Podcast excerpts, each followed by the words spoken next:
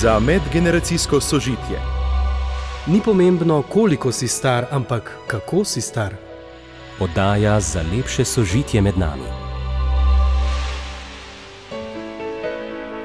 Dobro večer, prijazen pozdrav poslušalke in poslušalci. V tokratni oddaji je z nami, saj je vendarle njen naslov za sožitje, profesor dr. gospod Jože Ramovš z Inštituta Antona Trastanjaka za grantologijo in medgeneracijsko sožitje. Dobro večer in dobrodošli. Dobro večer, gospod Nataša. Pol leta je za nami, pol leta, ki si ga res nismo nadejali, veliko sprememb, tudi izzivov, tudi za medsebojne odnose, tudi za sožitje. Kako vi ocenjujete prvo polletje letošnjega leta? Ja, je nekaj posebnega.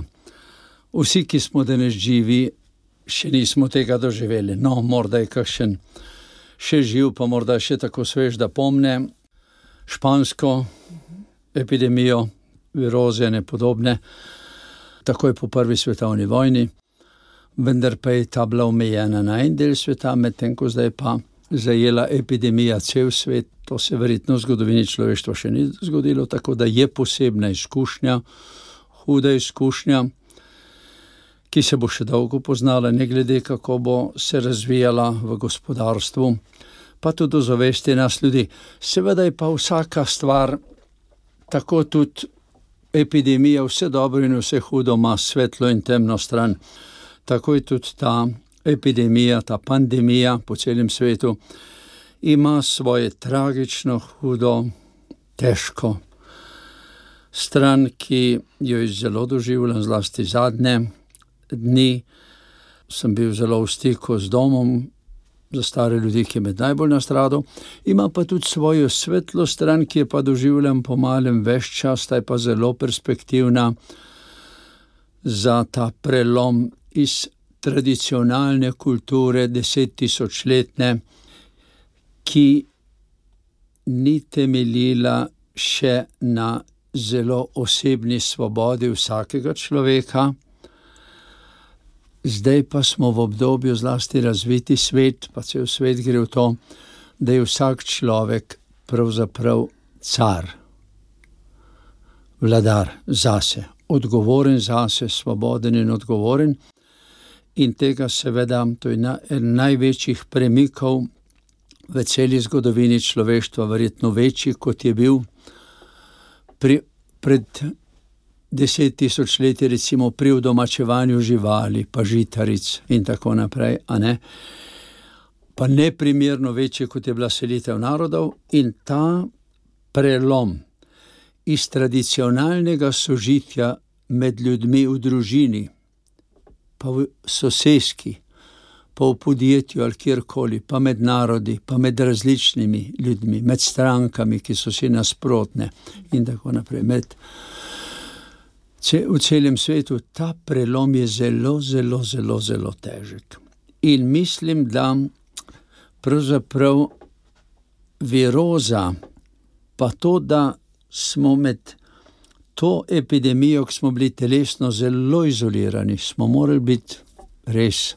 Če smo bili bolj izolirani, bolj smo bili sami in drugi ob nas varni, z druge strani smo bili pa tako lahko povezani kot nikoli z internetom, z medmrežjem, z raznimi programi. Recimo Skypovskimi za pogovor, za sestanke, za izpite, za predavanje nadaljavo. Jaz sem prvič imel praktično vsa predavanja v tem semestru nadaljavo z vsemi študenti na njih petih fakultetah, in uh, pa izpite, praktično ne čisto vse, zdaj na koncu, ampak prej pa vse, in je šlo dobro. To pa pomeni, da ob dobesedno internetu, med mrežjo, doživljamo, da nisem jaz v resnici car, ampak da imam svobodo, vendar ta svoboda ni moja samovolja, ampak je ta svoboda, da v umestni prostor med nama, vsak na eno stran mize stojiva, med nami je pa mikrofon, zdaj gledite, med mrežje, mi dva smo med to informacijsko mrežo, ki prenaša najen pogovor med ljudi med poslušalci, kjerkoli kdo posluša ali pa bo poslušal, lete, da je odločilno ne samo jaz, jaz, jaz, kaj mislim, kaj želim, kako se počutim. Pa tudi ne samo vi, kaj mislite, kaj čutite, kako se počutite, Nataša, ampak tudi med nama prostor, med mrežje. Sožitje je pravzaprav uravnoteženje med, med nama, prostora med nama, v tem prostoru se dogaja gugalnica, v kateri sva drug od drugega odvisna, pa v tem primeru še poslušalci od nami, med nama. Če v ta prostor, komunikacijski prostor, pa strokovno v ta komunikacijski kanal spuščava prave podatke, informacije, čustva, misli, želje, hotenja, izkušnje, in da to delava oba, da je oboje stransko pretočno, da jaz pošiljam, kadar je prostor. In vi sprejemate, in vi pošiljate v ta informacijski kanal med nama, med mrežje, informacije, sporočila, besede, poglede, mimiko, kako imate prijetno obraz, ko vas gledam. Lejte, če to spuščate in če jaz to sprejemam, potem je sožitje, sodelovanje, komuniciranje lepo. Dokler pa tega nisva sposobna, pa komunicirava po paradigmi tradicionalni. Kje pa bilo, eden je ta glavni, ta ima zmeraj glavno vlogo, car, gospodar odrastu, moški proti ženskam in tako naprej. Danes pa pogledajte, otroci in odrasli, mladi in stari, črni in beli, vse rase, vsi nazori, vsi smo osebe. Ta zadeva ni nova. V teoriji je to bilo tako rekoč v naši kulturi že dolgo znano. Ne bom rekel posod, ampak če vzamemo našo krščansko izročilo, recimo tako kot je Jezus ga oznanjal pa živu, je vsak človek oseba. Molimo, oče naš, od vseh enako, Bog, oče naš, od vseh enako, ne moj bolj kot od kogarkoli na zemlji, ki je bil, je in bo. To pa pomeni, da, da na nek način spoznanje človeško in božje, človeško spoznanje in božje sporočilo je staro že dva, tri tisoč let v naši in v drugih kulturah o dostojanstvu vsakega človeka, o svobodi in tako naprej. Medtem ko razmere v družbi tradicionalni so bile pa take, da se ni dalo drugače preživeti. Očitno je bilo tako, drugače. če bi bilo drugače, možno bi bili drugače živeli, da je, da je bilo zmeraj enosmerno. Zdaj pa ni več, zdaj pa med mrežje. Vedno je bilo samo jaz ali ti, zdaj pa ni jaz ali ti, niti ne jaz in ti, ampak mi dva. Pa tretja stvar, umestni prostor. Glede, tako da viroza, pri kateri epidemija, pandemija, pri kateri smo komunicirali, doskrat preko mask, pa tako naprej, pa vse preko moderne informacijske tehnologije, je pravzaprav zavestno ali pa podzavestno za celo zemeljsko oblo za vse človeštvo, malo nas bo deset milijard, recimo, smo res prenaseljeni, verjetno, ampak za vse spoznanje ne gre za to, jaz, jaz, jaz, in ne gre za to, bi rekel, podrejenost, ti, ti, ti, jaz pa nič, ampak mi dva, mi. In ta umesen prostor med nami je svet prostor, to je okolje. Ne samo fizično okolje, ki ga moramo ohraniti za potomce, zrak, zemljo in tako naprej, vodo, ampak tudi medčloveški prostor, ta zavest, da moja glava pa moje srce sta moja, vendar pa sam ne morem preživeti. Ne samo v epidemiji, ko zbolim, ne samo v starosti, ko ne morem, ne samo v prvem letu življenja, ko ne bi bil preživel, če ne bi bilo matere, pa drugih, ki so me gor spravili in potem še dolgo. Ampak cel življenje, tudi v najboljšem obdobju življenja, srednjih let, pri največji moči, pri največji svežini umski, duha, razuma, pri največ denarja, najbogatejši človek, pravzaprav tako nujno potrebuje druge, da preživi, da brez tega ne preživi. Vidite, ta zavest je tako svetla zvezda, ki na od nje smo živeli, komunicirali, tako da to je ta svetla plat, ki smo se naučili. Vse je bila znana že prej, internet ni nova stvar. Je, vsak dan se izpopolnjujejo programi, vendar zdaj smo jih bili deležni. Tisti, ki nismo nikoli komunicirali, stari in mladi, ki nismo nikoli predavali še uh, odsotnim poslušalcem, celi doma, vsak za svojo zaslono, tam si jih pa imel pred seboj, kako so prihajali na zaslon, en za drugi, pa vsak je bila slika, pa smo poklepetali pet minut pred začetkom z vsakim, ki je prišel mečken, potem je bilo pa predavanje. Pa je bila debata, jaz imam zelo dobre izkušnje v komunikaciji individualni z enim človekom po telefonu, svojo hčerko, v tujini z vsemi drugimi, s svojimi odraslimi otroci. Tudi nisem bil v stiku, sem bil v izolaciji tri mesece, ne okužen, ampak da ne bi uh, se okužil, so me poslali pa ženo, a ne daleč, ampak smo bili vsak dan v stiku. Tako da, gledajte, ta sodoben blagoslov, da smo se zavedli medmrežja, umestnega prostora, to je velika reč. In vi, ki delate na medijih, to se pravi, mediji so posredovalci. Latinska beseda mediji je posredi, tisto, kar posreduje med nami. Veste, to je internet, to je medmrežje, med nami, to je komunikacijski kanal. Zdaj, ob, ko so pa ljudje umirali ob epidemiji, ko je bil edini možen stik tak, da je bil res varen, nadaljavo, smo pa vedeli, nikoli človeštvo ni moglo komunicirati tako nadaljavo, pristno in tako zdaj. In to je velika reč. Jaz imam veliko upanje, da bo človeštvo od vodilnih politikov, gospodarstvenikov, tisti, ki imajo ogromno moči, denarja, ugleda, zlasti pa mediji, da bo zdaj zelo naglo ta zavest se večala. In to se dogaja v dobrem, seveda se tudi v slabem se zdaj obdelujejo. Uh, ko sem jih poslušal tudi v parlamentu, našem in drugih, recimo, kdo je kriv, ampak tako se obdelujejo nezreli otroci zmeraj. Kdo je kriv, kdo ima daljši jezik, kdo je in zakaj. Lejte, to so stvari, ki so posod in če se na nje obešamo, pa če se zaradi tega preveč vznemirjamo, če se ljudje v stiski ali pa ljudje. ki so otroci, vsi smo pa včasih otroci.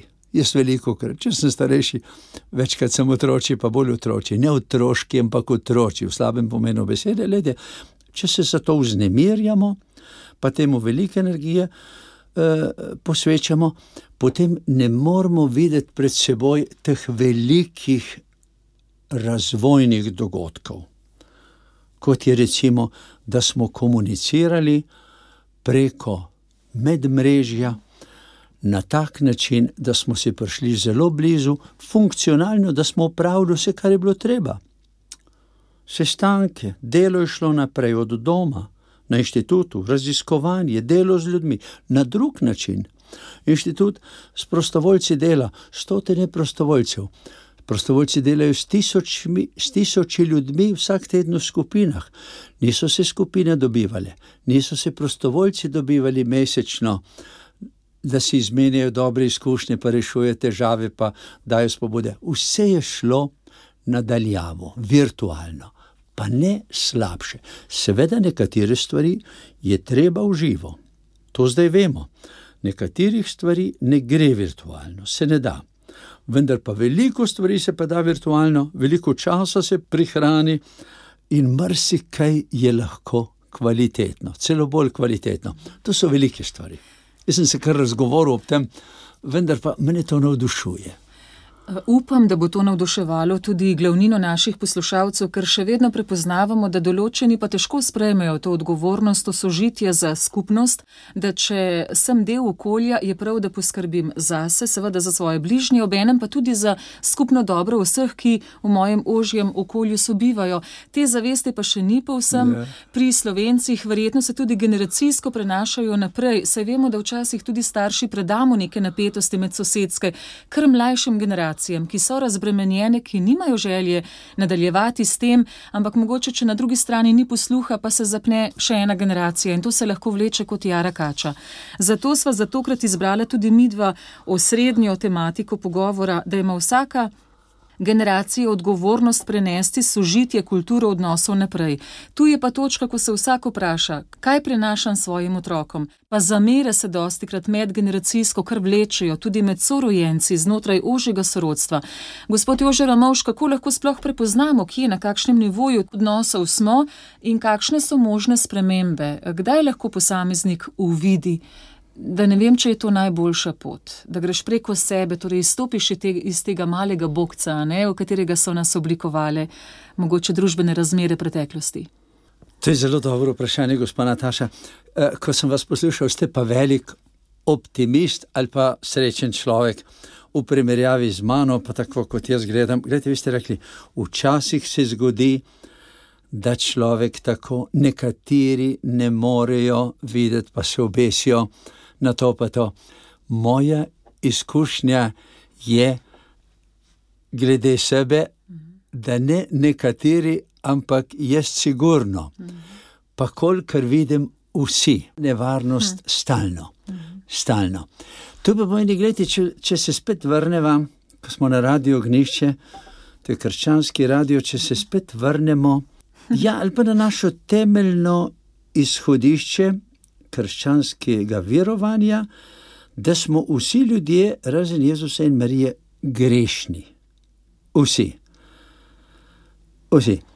To verujemo, to kadarkoli gremo moliti ali pridemo skupaj, k maši ali kjerkoli s tem začnemo. Spovem se, da sem veliko slabega storil in veliko dobrega opustil. To se pravi, načelno to vsi vemo, da se ne zgodi to včasih, pa nekaterim, meni pa nikoli. Ampak smo vsakodnevno ne meni, preizkušeni. ampak da smo grešni vsi vedno.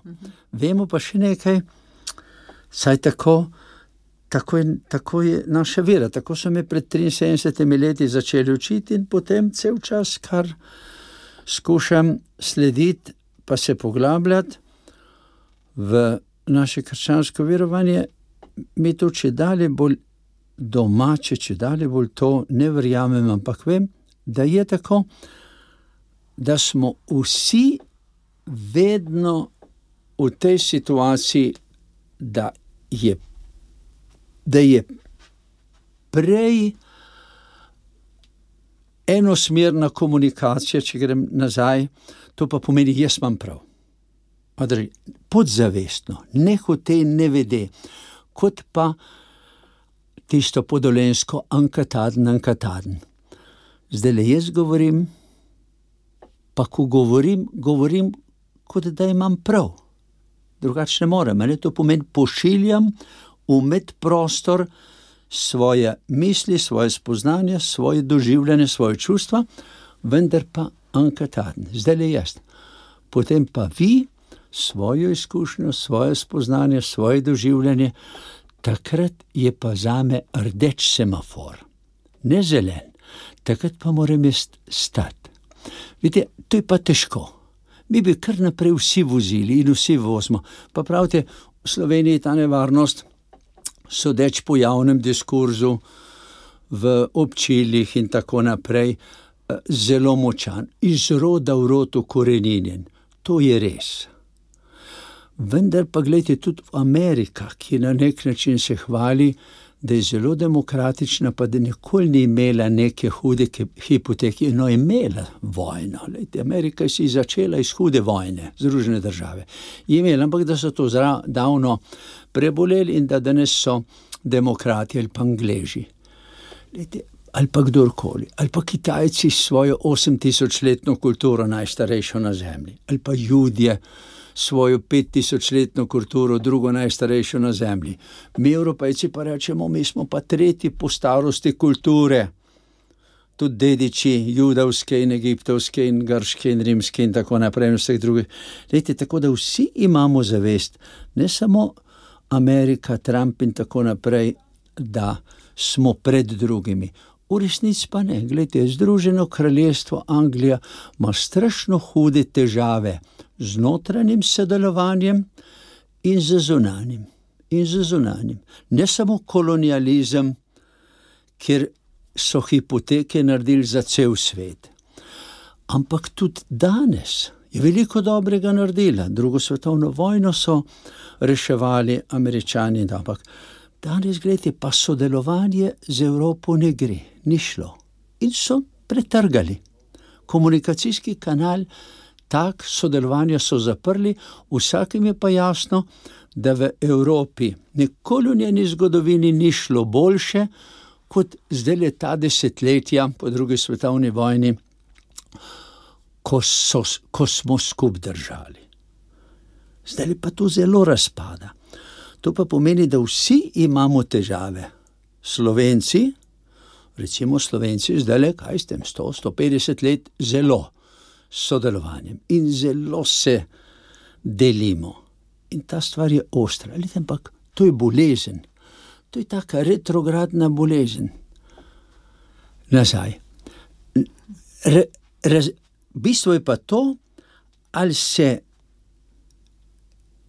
skupnost, pa posameznik, recimo jaz, vi, pa recimo tale urca najnega pogovora nocoj, ali se usmerjamo na preteklost in nad tisto, kar nas je zvezalo, da smo zvezani, ali se orientiramo, kako se da ta vez razrahljati pa ne v smislu, kdo jo je zvezal, zakaj jo je zvezal, kdo je za to kriv, ampak kako to razrahljati, roke sprostiti in skočiti naprej. Lete ljudi, ki so, recimo, kadar, recimo če vzamemo očeta od Petra Opeke, ki je tak socialni genij, svetniški, misionarane na Madagaskarju, tukaj dobrega storil najbolj revnim uh, ljudem na tistih svetiščih in smetiščih, in še dela, kam so in tako naprej. Lejte, njega ne bi bilo, če njegov oče ne bi preživel, ko so ga peljali v smrt. Ampak takrat, če bi bil on, kot je njegov sopotnik, bil priklenjen na usodo, zvezana sva z žico in kajčva. Njegov oče pa ne, je tako migal, parahljal tisto zvezano žico, da je popustila. In ko je popustila, je ta drugega, kolikor jaz vem, po branju pa po podatkih, je ta drugega pogledal, skočil bom, a ne, bežal, preživel ne, smrt mi tako in tako čaka. Po preširno, drži, manj črna noč, je manj temne noči v črne zemlje, krili, če me zdaj ne uspejo me bodo zdaj le ustrelili, kot četrto ure, pa ure poznaj. In je zbežal, gledaj, in se je rešil in preživel, otroke imel. In eden od njegovih otrok je danes eden od največjih zgledov socialnosti, strpen do vseh, odpuščajoč če se z njim, če se s Petrom opeko začneš pogovarjati o to, te informacije pozna, seveda pozna, to so njegova usoda, ki ga je zaznamovala. Če njegov oče se ne bi bil rešil, njega ne bi bilo, to, da je pa rešil, je pa trpka izkušnja. Da je moj oče bil, kako bi rekel, na tak način obsojen, brez sodbe, na smrt in peljan na morišče, pa da je po enem takem čudnem naključju, kot je v pravljicah ali pa v čudežih, ali pa kjerkoli v risankah, kašnih se smejemo, uh, se leti, to je nekaj čudnega, nevsakdanjega. Na tisoče en, morda včasih na milijon en. Lahko pa rečemo, to je nekaj čudovitega. To je nekaj čudovitega. Lahko pa gremo še en korak naprej iz istega besednega korena, to je nekaj čudežnega. Čudežnega pa je v tem, ne da se je on rešil samo, ampak čudežnega je to, da je otrok iz te družine nič podedoval, nobenega sovraštva, nobene zamire. Ljudje, ki danes zelo so sovražni, z ene in druge strani, da pljuje iz njih, kot je Cankar rekel, sovraštvo in tako naprej. Ti niso nič nastradali, ti niso dediči mnogo krat. Nobene take hude izkušnje, kot je Peter opeka, pa njegov oče. Ampak, gledite, on ni nič podedoval. Kako je to, če bi zdaj iz roda v rod mogli podedovati bremena, potem bi bil Peter opeka pravzaprav obsojen na maščevanje, na iskanje krivcev. Tisti, ki so to naredili, so danes seveda mrtvi. Ampak tisti, ki so danes temu podobni, ali kakorkoli leti, in mi bi imeli nekoga, ki bi si ali po pravni poti, ali po revolucionarni poti, ali po ne vem, kakšni poti, po besedni poti, svojo življenjsko energijo porabljal v sožitju z vsemi drugimi ljudmi, v skupnosti slovenski, čeprav v Sloveniji njene rojene ne živi, ampak vendar je pa pripadnik slovenske skupnosti in svetovne tudi, in katoliške, ki katoliški duhovni krite, on bi se boril za poravnavo krivic, ker njegovemu očetu se je zgodila huda krivica, življenjska. In s tem tudi njemu, ki je tukaj v, v to rojen bil, pa begunc v nemogoči situaciji, revščini, a ne potem v tuji državi. Pa ne, on je podedoval že od očeta, od matere, od brata, od sester in se sam, zdaj je star ne vem koliko, okrog 70 let, in on se cel cajt razvija v najbolj dialoškega človeka, solidarnega, sočutnega, ljubečega, pa ne navidezno ljubečega, ne pristno, ampak kongruentno ljubečega v globini, iz globine. On res živi, oče naš. Oče, Bog je enako oče njegovemu očetu, ki se je rešil iz krivice, kot tistemu, ki ga je takrat gnal za kol, da tako rečem, živinsko. Obema je enako. In zdaj sta oba, pokojni oče in tisti, ali vsi tisti, so pri, na isti božji pravici, ne na naši.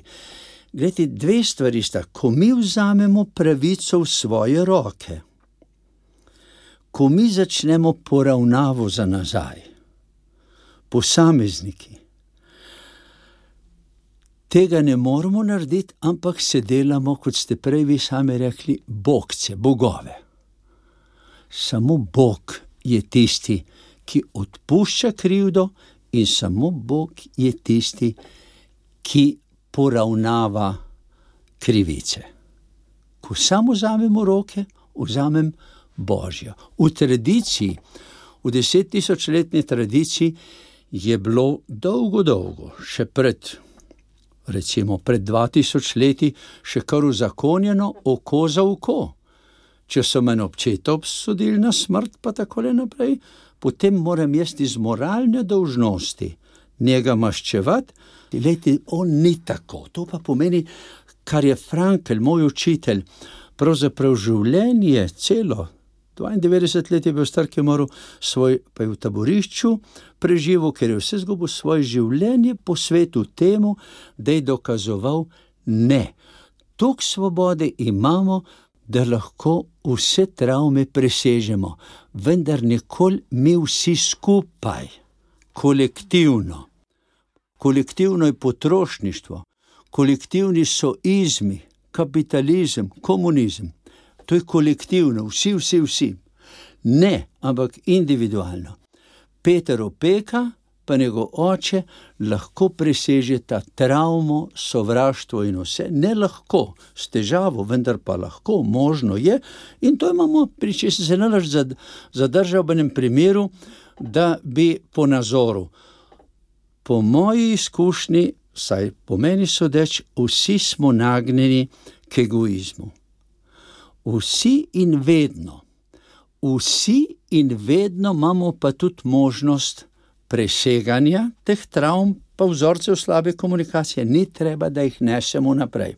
Leti psihoterapije, pa psihologije 20. stoletja, prej se pa ni razvijala, to je nova veda, konc 18. slabe 150 let staro, dobrih 100, recimo, leti 80% svojega časa je posvetila. In še zdaj je tako, pri večini psihoterapije, temu, da razvozlavamo za nazaj in da razumemo, zakaj smo danes tako sovražni, zakaj se tako obkladajo v našem parlamentu, naši poslanci, drug z drugim, tako na tak otroči način, ko reko, ki se smili, en in drugi enako. Se smili. Ampak, ko si v tej igri noter, ne moreš ven. Je to to. Z druge strani pa imamo tudi dovolj možnosti, pa prič, da vemo, da nič hudega ni za me, če vsi ljudje do zadnjega ostajajo privezani na usodo, ki so jo podedovali od staršev, od preteklosti, od prejšnjih režimov, od kapitala, od ne vem, leti se vsak ima svoje razloge, zakaj se neumno obnaša v sožitju, nekonstruktivno, najbolj pa možje do žena, pa žene do mož. To je največ slabega sožitja, več kot v parlamentu našem ali kjerkoli. Samo da tisto je po televiziji snemajo, pa lahko vsak gleda med tem, ko sožitja med starši in otroki, med mladimi in starimi, med, med partnerjem v družini pa ne snemajo, vendar pa. Raziskave jasno kažejo, tukaj se zgodi največ nasilja, največ grdobi, največ tega, kar gledamo javno, morda v parlamentu ali kjerkoli že, če to vzamem. Glede, možnost je. In ko enkrat to možnost vidimo, še nismo nič naredili, smo spet na križpotju. Ena stvar je, da o tem razmišljam, pa o tem govorim, tako kot jaz zdaj, pa da se nad tem navdušujem, druga stvar pa da je to naredim. In šele samo ta zadnji korak.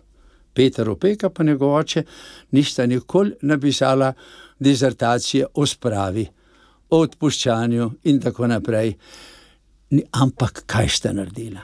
Nista se dala s tisto žico preteklosti, to pa zdaj ni več fizična žica, s katero je bil zvezan s kolegom, ko so jih peljali proti eh, Morišču, ampak je to notranja psihosocialna žica, duhovna, ne, ne duhovna, ker duhovna je svoboda, ampak dobesedno psihosocialna žica, s katero smo zvezani, in ko se s tem ukvarjamo, zakaj so drugi taki. Če bi drugi bili dobri, bi bil tudi jaz. To je res. Veste, če bi bili drugi okrog mene vsi idealni, bi bil jaz veliko boljši kot sem.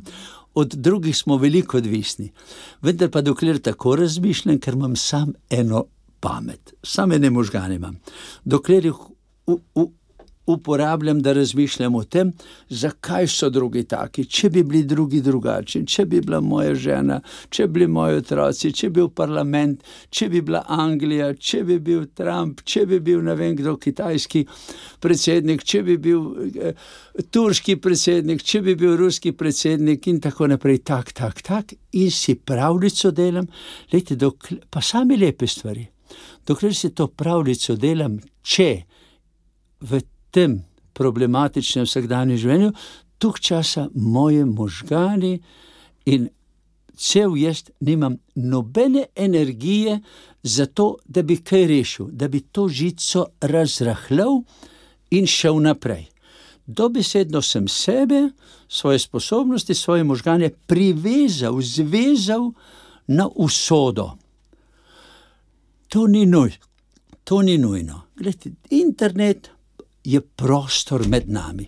In ko se tega prostora zavedamo, tako kot smo se ga morda zdaj le malo bolj uživo ob eh, epidemiji, potem rečemo, da se je prostor. Malo pomigajmo, poglejmo, kje je, zaskočiti stran in skočimo v novo boljše.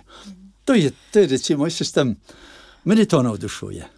Tudi mene to navdušuje, ampak v realnosti je pa težko prebuditi včasih ljudi, razmišljam, koliko nagovorov, koliko spodbud, kdo ne reče, kdo ne pokaže, kam usmeriti njihov pogled, da bi prišli do to vrstnega spoznanja. Saj več kot govoriti, kot spodbujati, človek res ne more. Vedno na koncu ostane posameznik, ki se sam odloči. Bom sprevidel, bom spregledal, bom drugačen ali bom pač ustrajal na nekih okopih za mir.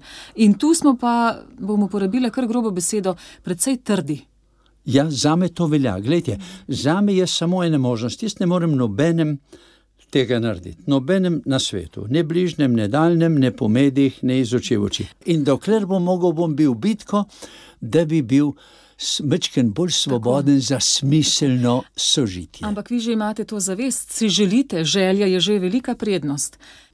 Stiska je odskočna deska. Uh -huh. Stiska je odskočna deska, tako kot pri smočarskih poletjih, leti, ko je hitrost največja, 100, med 100 in 150 km/h, ko pravzaprav in gov človek po snegu drsi, ne gov, seveda, ampak ranljiv. brez ranljiv, ne v neki kapsuli, kot ko iz vesolja se vračajo v trdni, ampak samo v obleki, pa na smočeh in tako naprej, s tako brzino, in skoči v prazen prostor. Veste, to je stiska.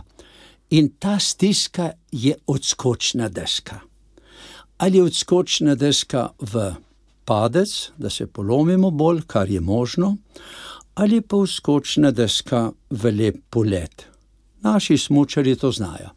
Lejte, tako da, zdaj imamo pa stisk tako nakopičenih, Ena stiska, ki je bila zdaj le viroza, epidemija, ta je še in bo imela posledice v tej naši iluziji o vsemogočnosti, da imamo vse pod kontrolo, pa 70 letih, kot moja generacija, kar, kar naprej pijo, vse imam pod kontrolo, vse imam pod kontrolo.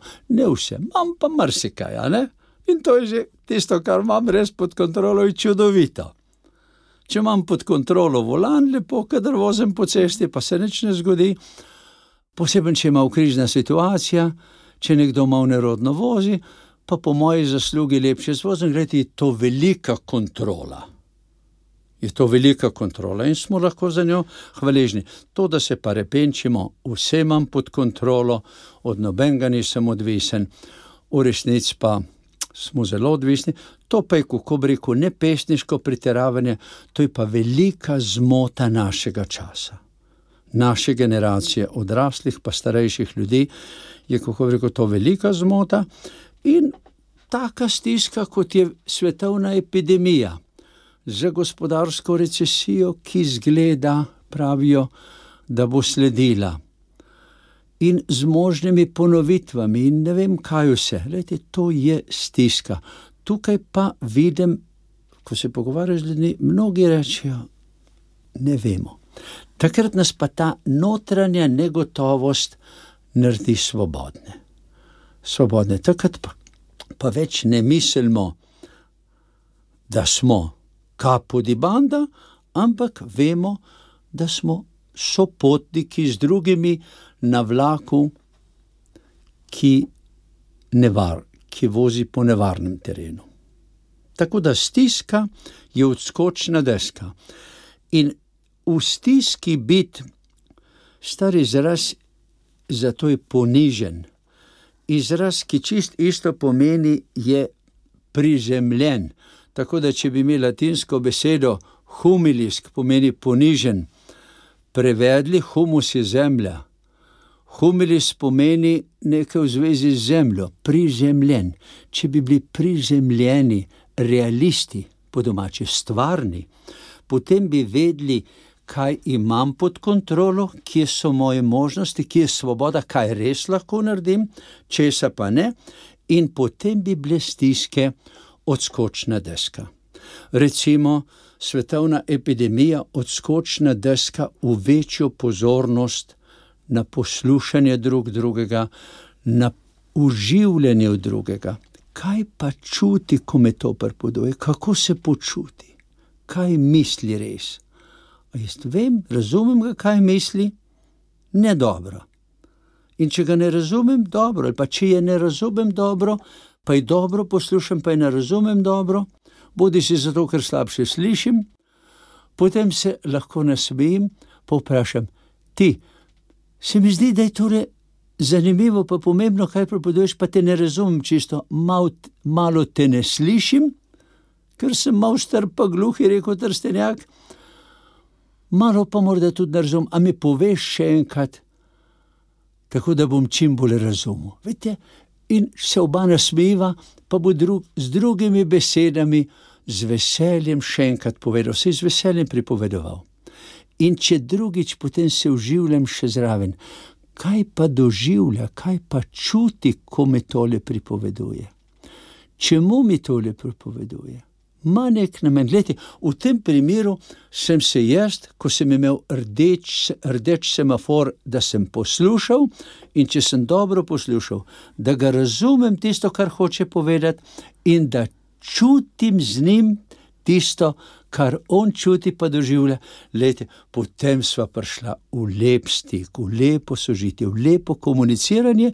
In če je bilo to neko sporočilo, da o nekem sodelovanju, ali zdaj le trenutno doma, kaj treba narediti, ali za dolgi rok, ali karkoli, reševanje nekih problemov, ali karkoli, potem bova to naredila, ker sva dobila energijo za leta to, da ga nisem, da drugega nisem razumel, je mala stiska, me malo ponižuje. To, da ne slišim dobro. Glede, ljudje, raziskave kažejo, da ljudje, ko opažamo, da slabo vidimo, rabimo sedem dni, da gremo kokulistu uh, in nabavimo očala ustrezno, da dobro vidimo.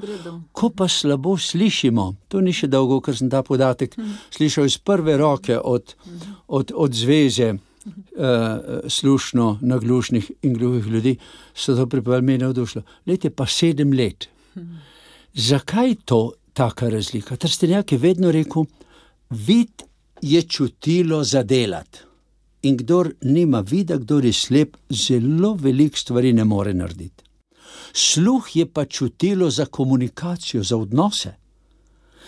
In če človek ne sliši, je za večino del enako sposoben, kot bi dobro slišal. Vse pri mrzkašnem delu je treba celo ušesa zamašiti. Drži. Da ne, sli, ne samo ta težka dela, kot so kompresori, da ne oglušimo, in tako naprej, ampak tudi, če človek nekaj dela ali karkoli, recimo, če študent, zdaj so bili spiti, če študent piše izpit, drug tam pa nekaj zraven njega nerga, pa še profesor je dvakrat zmoti, ko nekaj komentira vmes, ko piše. Glejte, študent je pa že tako pod stresom, v stiski, je še bolj pod stresom in bo še slabše pisal. Ta študent mora pravzaprav, če že nima čepov, da bi všesa zamašil to ne, ampak mora duhovno, duševno, socialno narediti, da ne sliši. In to naredijo študenti pametni. Tako da, ko pa ne slišiš, takrat gre ti to v medsebojnih odnosih največja stiska, ponižanje. Ko, ko ne slišiš dobro, ko ne razumeš, in tako naprej. In v obratni smeri, ne? ko nas ne slišijo, ko nas ne želijo slišati, je tudi hudo ponižanje, zelo boli. To tudi, ampak ja. to je ona stran, senčna, o kateri danes ne govorimo. Lejte, in ko ko pa če na moji strani ostanem, ko ne slišim dobro, pa sem takrat mal prizadet, jezen sam na sebe in na onega. Takrat sem na križišču.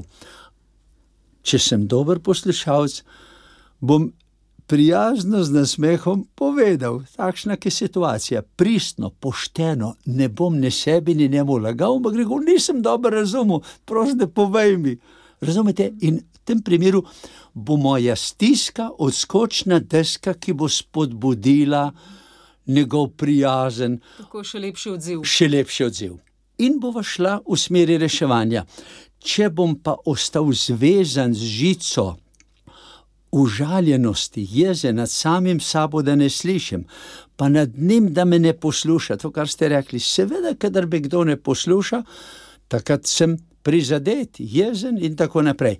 Vendar pa to ni usodno. Če rečem, zakaj bi me pa mogel poslušati, a sem jaz njegov Bog ali njegov car, če me ne posluša, ima svoje razloge. Ali me ne more, ali ima karkoli že, jaz nisem sodnik nad drugim, ali me bo poslušal ali ne. Če me posluša, je to veselje pa hvaležnost, če me ne posluša, pa nimam pravice, če smo ljudje enaki, enako svobodni, nimam pravice, da mu zamirim, ker je on, on, on ni moj podaljšek. Če me ne kuli ne v Boga, da bi pisal, je za nič in ga vržem stran, ker je dotrajal in vzamem novega. Če dr drug človek, ki me pa posluša, pa ni moj kuli, ni moje pisalo, da bi ga zavrgel, ampak je enako človek kot jaz. In če pomislim na sebe, koliko krat drugih ne poslušam dobro, pa ne slišim dobro, če na to pomislim, se bom enako nasmejal kot prej, pa bom rekel: Jože, poslušaj, tako se drugim dogaja, ko jih ti ne poslušaš. In se bom sebi nasmejal, vidite, to je ta humor. Ko se sebi nasmejem, Frankl, ste ga omenili, je veliko dal na humor in sicer humor ob tragiki.